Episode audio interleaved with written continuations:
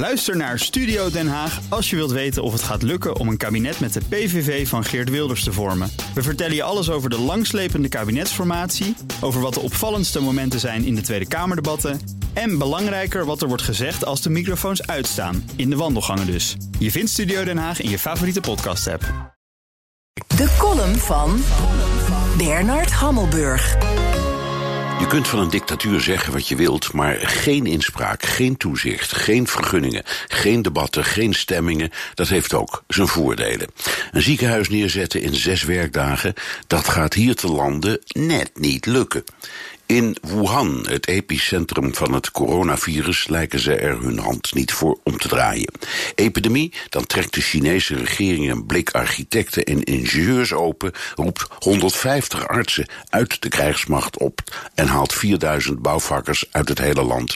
En ja hoor, bij de SARS-epidemie in 2003 duurde het nog zeven dagen om een draaiend ziekenhuis op te zetten, maar nu kan het allemaal nog een dag sneller. 10.000 bedden, intensive care, laboratorium, radiologie, het is er allemaal. Het is een beetje appels en peren, maar de bouw van het Slingerland ziekenhuis in Doetinchem bijvoorbeeld duurt nog een jaar of drie. Veel gesteggel over de samenwerking in het projectteam, inspraak van magazijnbediende tot chirurg, goedkeuring van gemeente en provincie, onderhandelingen met verzekeraars en banken. Als ik denk dat het best sneller kan, krijg ik vast van alle kanten onderuit de zak. Woningbouw dan, dat is toch een stuk simpeler. Nou, vergeet het maar. De gemiddelde doorlooptijd van een woningbouwproject is 10 jaar. Onteigening van grond en bestemmingsplannen zijn de grootste belemmeringen.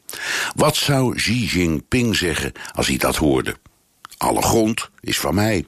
En een bestemmingsplan, wat is dat eigenlijk? Je ziet in China in recordtempo nieuwe miljoenensteden verrijzen. Een stad als Beijing wordt zo ongeveer elke vijf jaar uitgebreid met een nieuw Manhattan en al maar nieuwe ringwegen. Inmiddels al zeven. Zoiets als de Amsterdamse Zuidas en de bijbehorende wegen en viaducten bouwen ze bij wijze van spreken op een achternamiddag.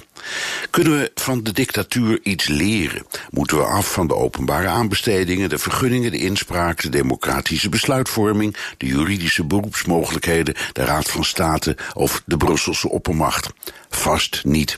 Maar als je kijkt naar de blamage van het almaar niet halen van de doelstellingen in de woningbouw, dan kun je niet anders concluderen dan dat al die procedures krankzinnig lang duren.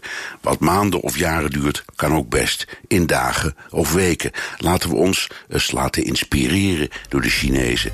Dat doen we niet alle dagen. Bernard Hammelburg. Terugluisteren? Ga naar bnr.nl of de BNR-app.